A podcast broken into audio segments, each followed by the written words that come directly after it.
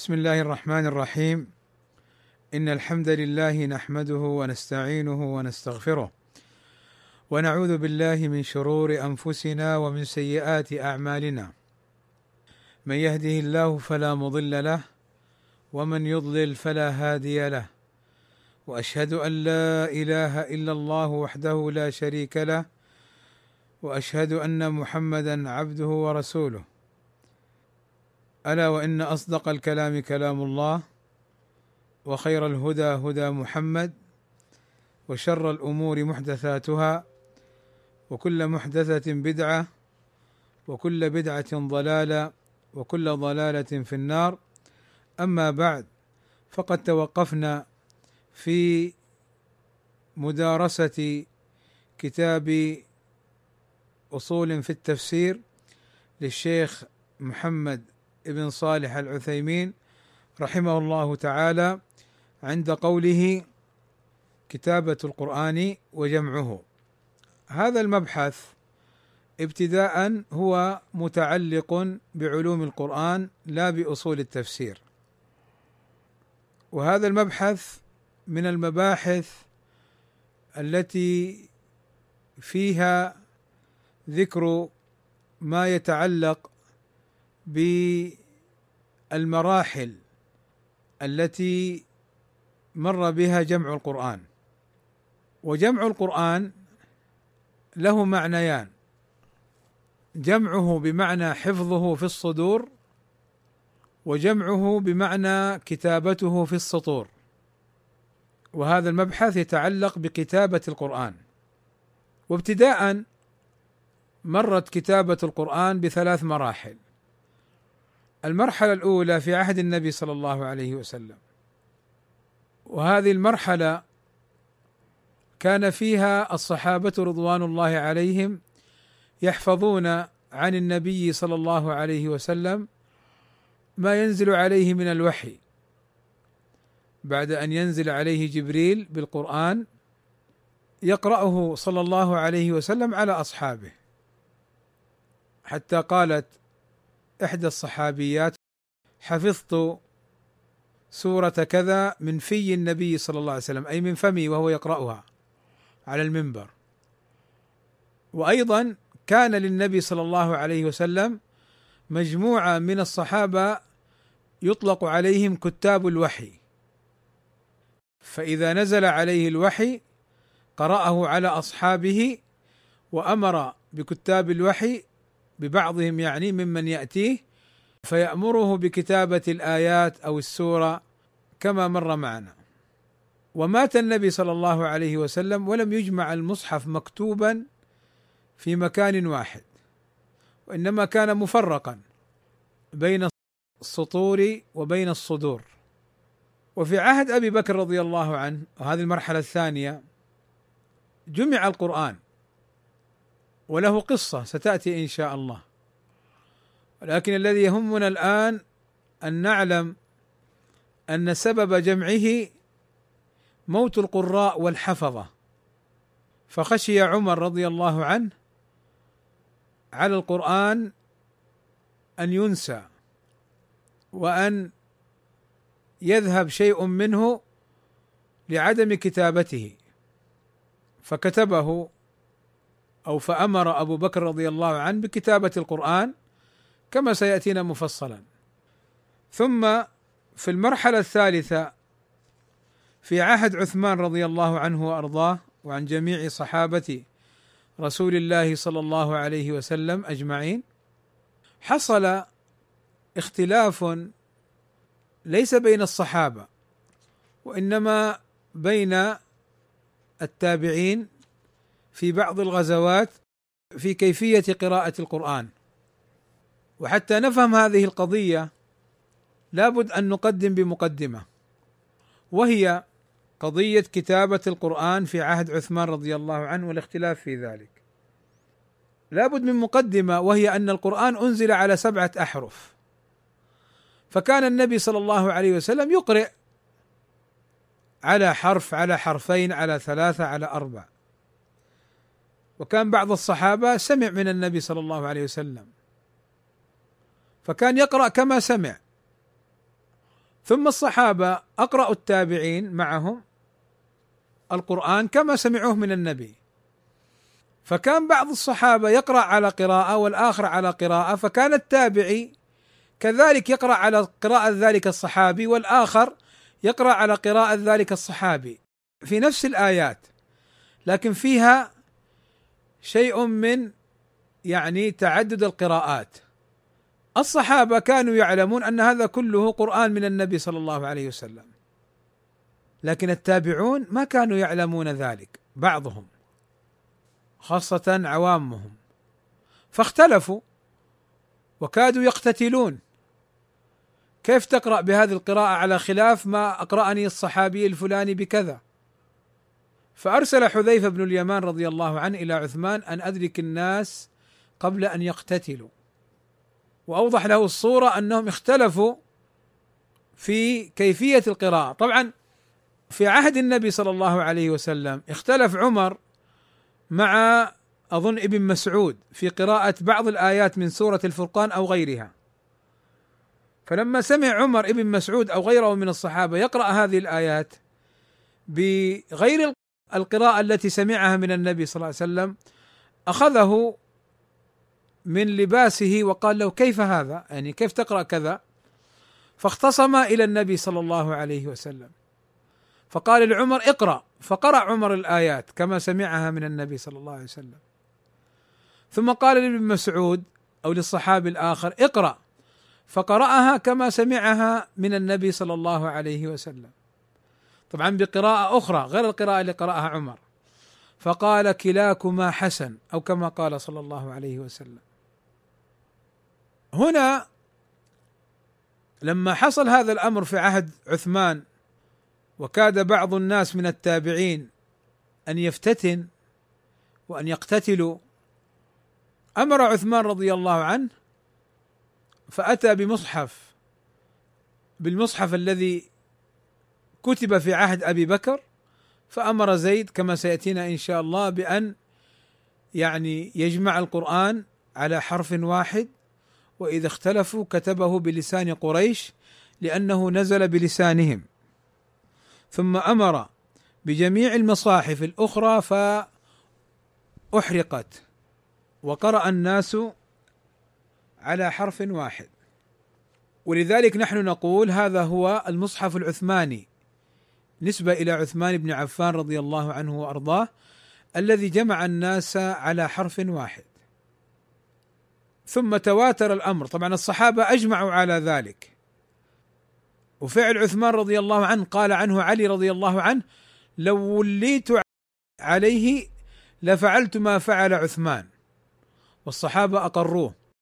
وليس في فعل عثمان رضي الله عنه نقص أو إنقاص لأي آية أو سورة ولا حرف حتى.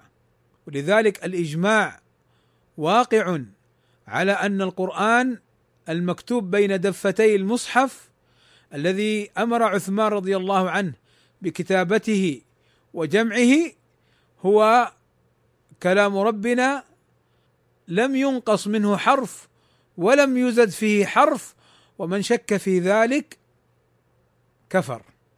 القراءات الأخرى نزلت للتسهيل والتخفيف على الناس وليس مطلوبا من الأمة أن يقرأوا بكل القراءات.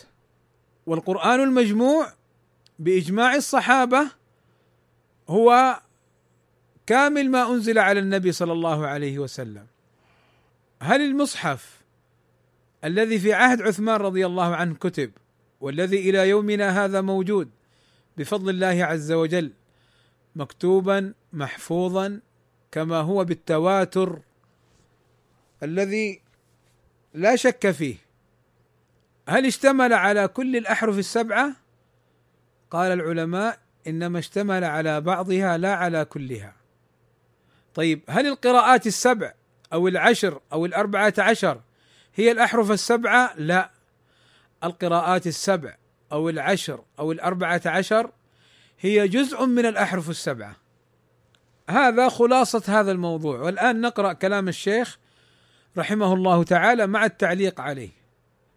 يقول الشيخ رحمه الله تعالى لكتابة القرآن وجمعه ثلاث مراحل يعني مر بثلاث مراحل المرحلة الأولى في عهد النبي صلى الله عليه وسلم وكان الاعتماد في هذه المرحلة على الحفظ أكثر من الاعتماد على الكتابة لقوة الذاكرة وسرعة الحفظ وقلة الكاتبين ووسائل الكتابة. ولذلك لم يجمع في مصحف بل كان من سمع آية حفظها أو كتبها فيما تيسر له من عسب النخل ورقاع الجلود ولخاف الحجارة. وكسر الأكتاف وكان القراء عددا كبيرا أي الحفظه لكتاب الله من الصحابة عددا كبيرا. قال ففي صحيح البخاري عن أنس بن مالك رضي الله عنه أن النبي صلى الله عليه وسلم بعث سبعين رجلا يقال لهم القراء فعرض لهم حيان من بني سليم رعل وذكوان عند بئر معونة فقتلوهم. وفي الصحابة غيرهم كثير كالخلفاء الأربعة وعبد الله بن مسعود وسالم مولى أبي حذيفة وأبي بن كعب ومعاذ بن جبل وزيد بن ثابت وأبي الدرداء رضي الله عنهم. استدل الشيخ بهذا الحديث على وجود الحفظة والقراء لكتاب الله عز وجل من الصحابة. تعرض بعضهم للقتل لكن يوجد أيضا جماعة من الصحابة قد جمعوا وحفظوا القرآن. هنا قد يطرأ سؤال لماذا لم يكتب المصحف كاملا في عهد النبي صلى الله عليه وسلم؟ الجواب كان القرآن ينزل على فترات وكان ينزل منجما فلم ينزل دفعة واحدة كما مر معنا. فكانت بعض الآيات تنسخ تنسخ تلاوة وحكما وتنسخ تلاوة مع بقاء الحكم. مثال ما نسخ تلاوة وحكما ومعنى نسخها تلاوة أي غير موجود في القرآن ومعنى حكما أي لم يبقى العمل بها. حديث عائشة رضي الله عنها لما قالت كان فيما أنزل من القرآن عشر رضعات يحرمن ثم نسخن بخمس. فليس في القرآن ذكر عشر رضعات. وهل بقي الحكم عشر رضعات؟ الجواب لا. فهنا يقال نسخت تلاوة وحكما. وقد تنسخ تلاوة أي لا تقرأ في القرآن مع بقاء الحكم. وهو ما جاء عن عمر رضي الله عنه أنه كان فيما يقرأ في القرآن والشيخ والشيخة إذا زنيا فارجموهما البتة نكالا من الله الآية المنسوخة. تلاوة مع بقاء الحكم. وأيضا ما ذكره الشيخ هنا من أسباب يعني أدت إلى عدم كتابة المصحف في مكان واحد. قلة الكتاب مع وجود عدد منهم ليس بالقليل. وقلة الأدوات مع وجود أيضا من كتب كما سيأتينا إن شاء الله في قصة زيد. كان جماعة من الصحابة كتبوا ووجد أكثر القرآن موجود عند الصحابة مكتوبا لكن كان مفرقا. هذا عنده السورة وهذا عنده الجزء وهذا عنده الآيات وهذا عنده كذا. هذا كتابة أما حفظا يوجد من كان جمعه يعني حفظا إلى أن بلغ ما بلغ مما أنزل على النبي صلى الله عليه وسلم. المرحلة الثانية في عهد أبي بكر رضي الله عنه في السنة الثانية عشره من الهجرة يعني بدأت أو عهد أو زمن كتابة القرآن.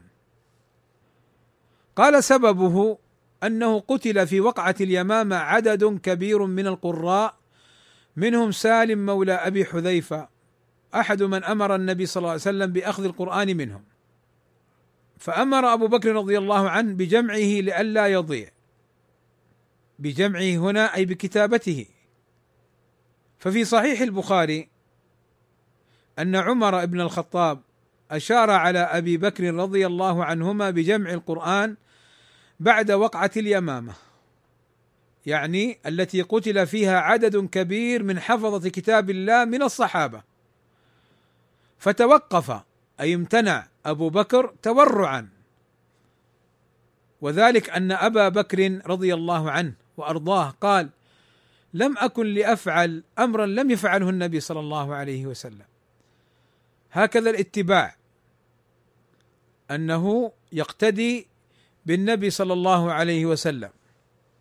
ولكن عمر رضي الله عنه من الذين قال فيهم النبي صلى الله عليه وسلم اقتدوا بالذين من بعد أبي بكر وعمر وهو من الخلفاء الراشدين وهو ملهم وهو الرجل الملهم المحدث من أمة النبي صلى الله عليه وسلم.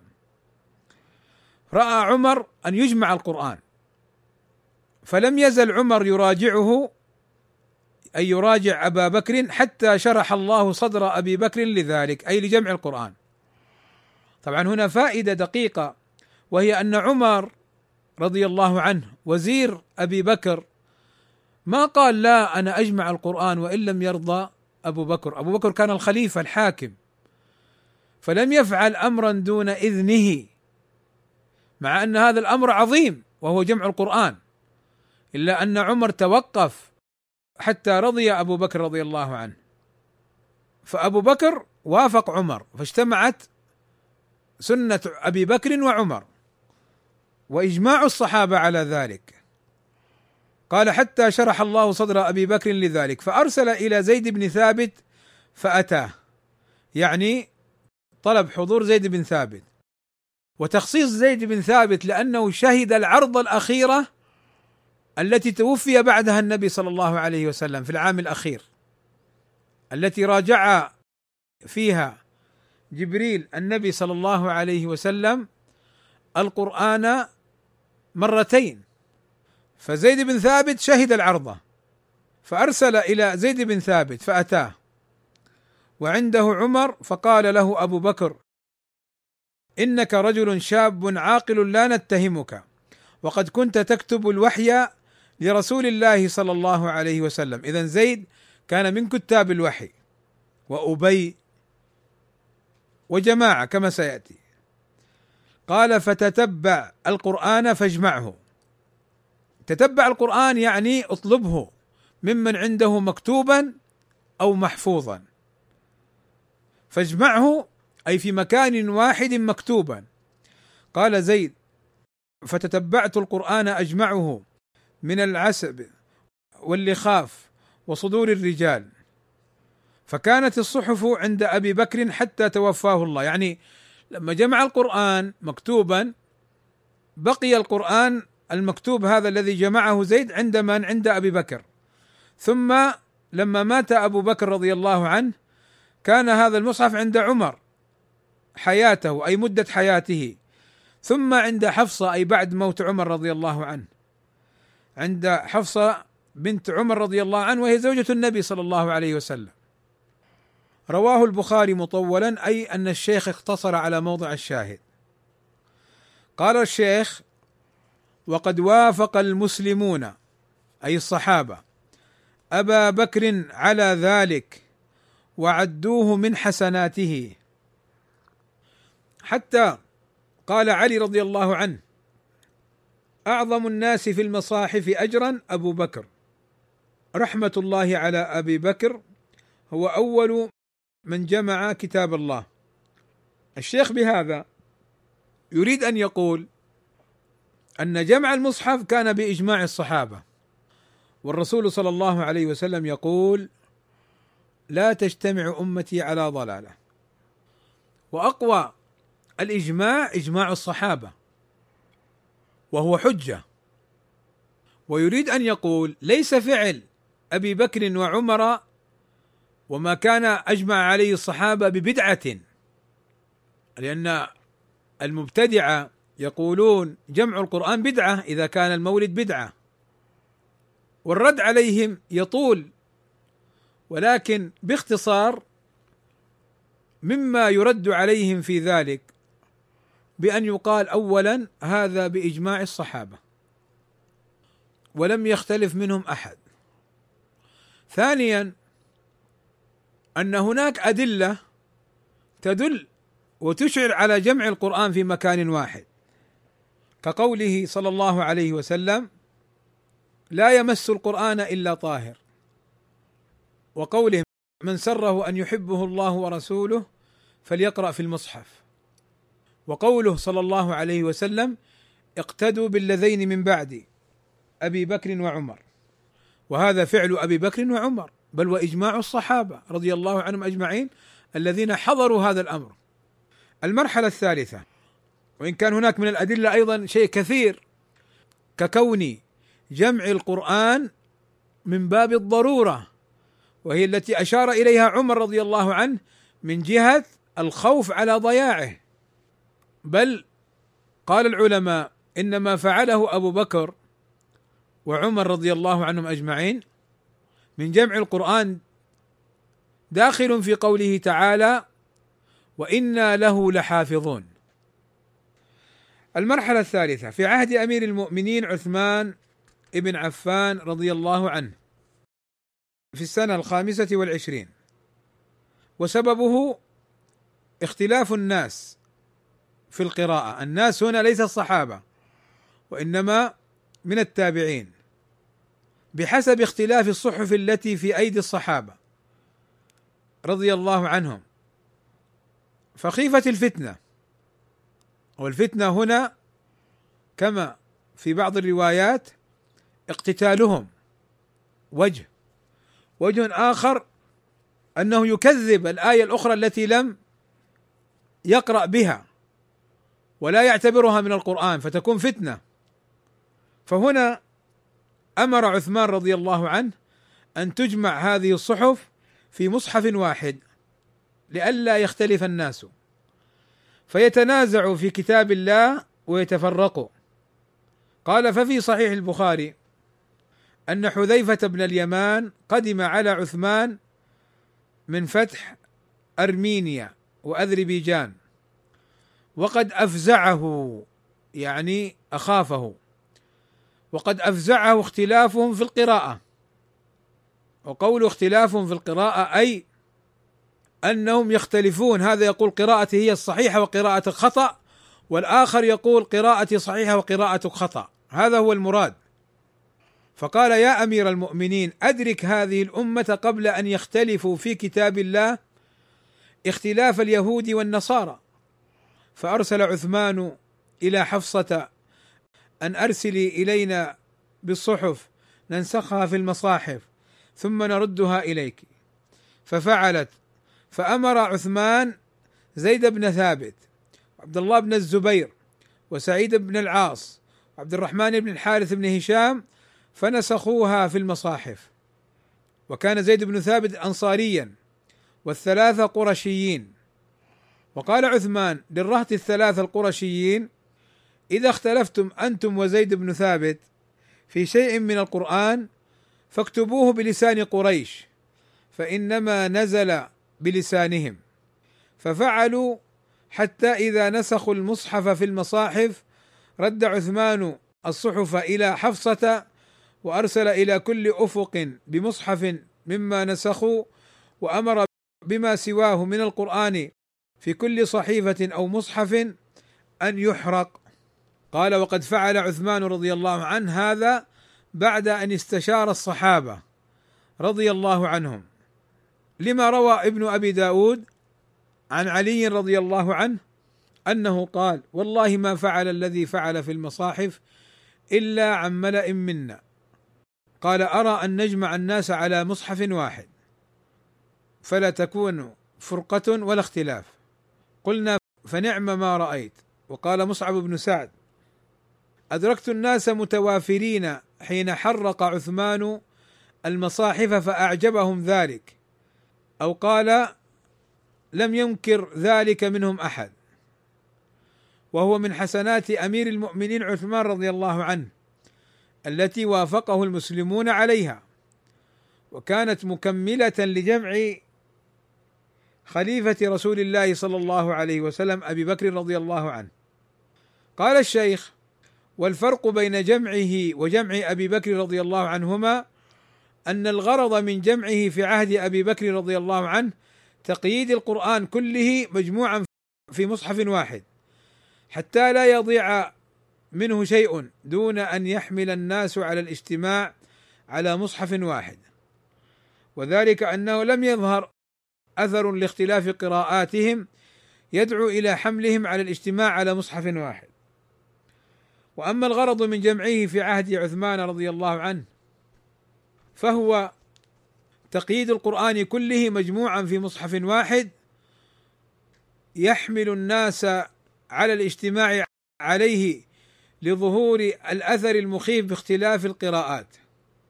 اذا هذا الفرق بين جمع القرآن في عهد أبي بكر وجمعه في عهد عثمان من حيث السبب.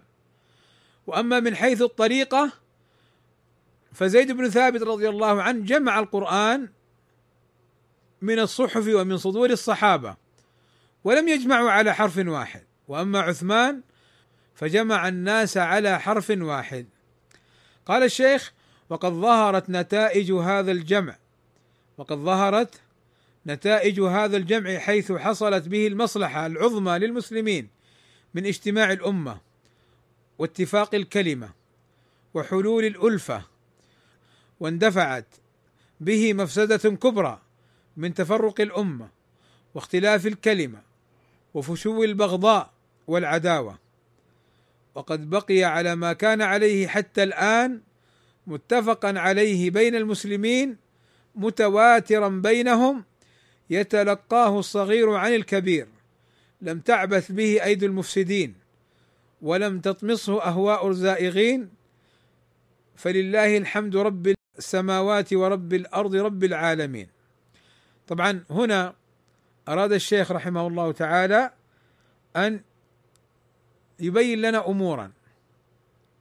منها أن جمع عثمان رضي الله عنه وكتابته على حرف واحد وعند الاختلاف على لسان قريش مما أجمع عليه الصحابة بل وأثنوا عليه وشكروه عليه.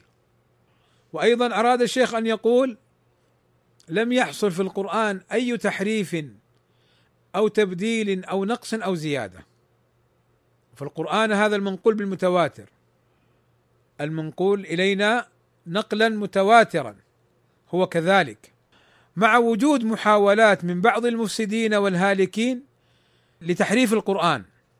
ولكن قيض الله عز وجل الحفظ لكتاب الله فبينوا هذا التبديل وهذا التحريف.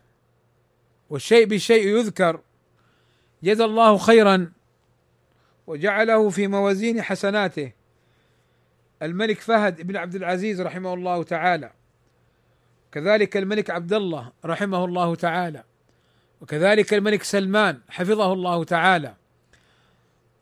هؤلاء الملوك الذين اعتنوا بالقرآن فجمعوا له القراء وطبعوه طباعة متقنة مراجعة من عدد كبير من القراء المعتمدين وتوزيع هذه المصاحف في المملكة وخارجها. وكان السبب في ذلك أنه وجدت بعض الطبعات قبل نشوء مجمع الملك فهد لطباعة القرآن فيها شيء من التحريف. فنشط الملك فهد رحمه الله تعالى وإخوانه من بعده على طباعة المصحف متقنا كما نقل إلينا متواترا. ولذلك أحث نفسي وإخواني المسلمين في كل مكان على أن يعتمدوا على هذه الطبعة التي هي طبعة مجمع الملك فهد لأنها متقنة. بل وطبعوا أيضا حتى القراءات السبع حفص وورش وقالون وغيرها من القراءات. ولهم جوانب عديدة فنسأل الله عز وجل أن يجعل ذلك في ميزان حسناتهم وأن يؤيدهم بتأييده وينصرهم بنصره. ولعلي أكتفي بهذا في هذا اللقاء فالمعلومات التي ذكرها الشيخ رحمه الله تعالى المتعلقة بهذا الموضوع معلومات وافية دقيقة كثيرة.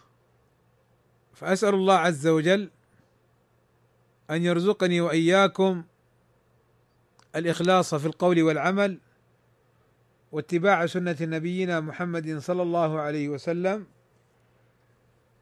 وأن يحفظنا وإياكم من كل سوء. وصلى الله وسلم على نبينا محمد وعلى آله وصحبه أجمعين. والحمد لله رب العالمين.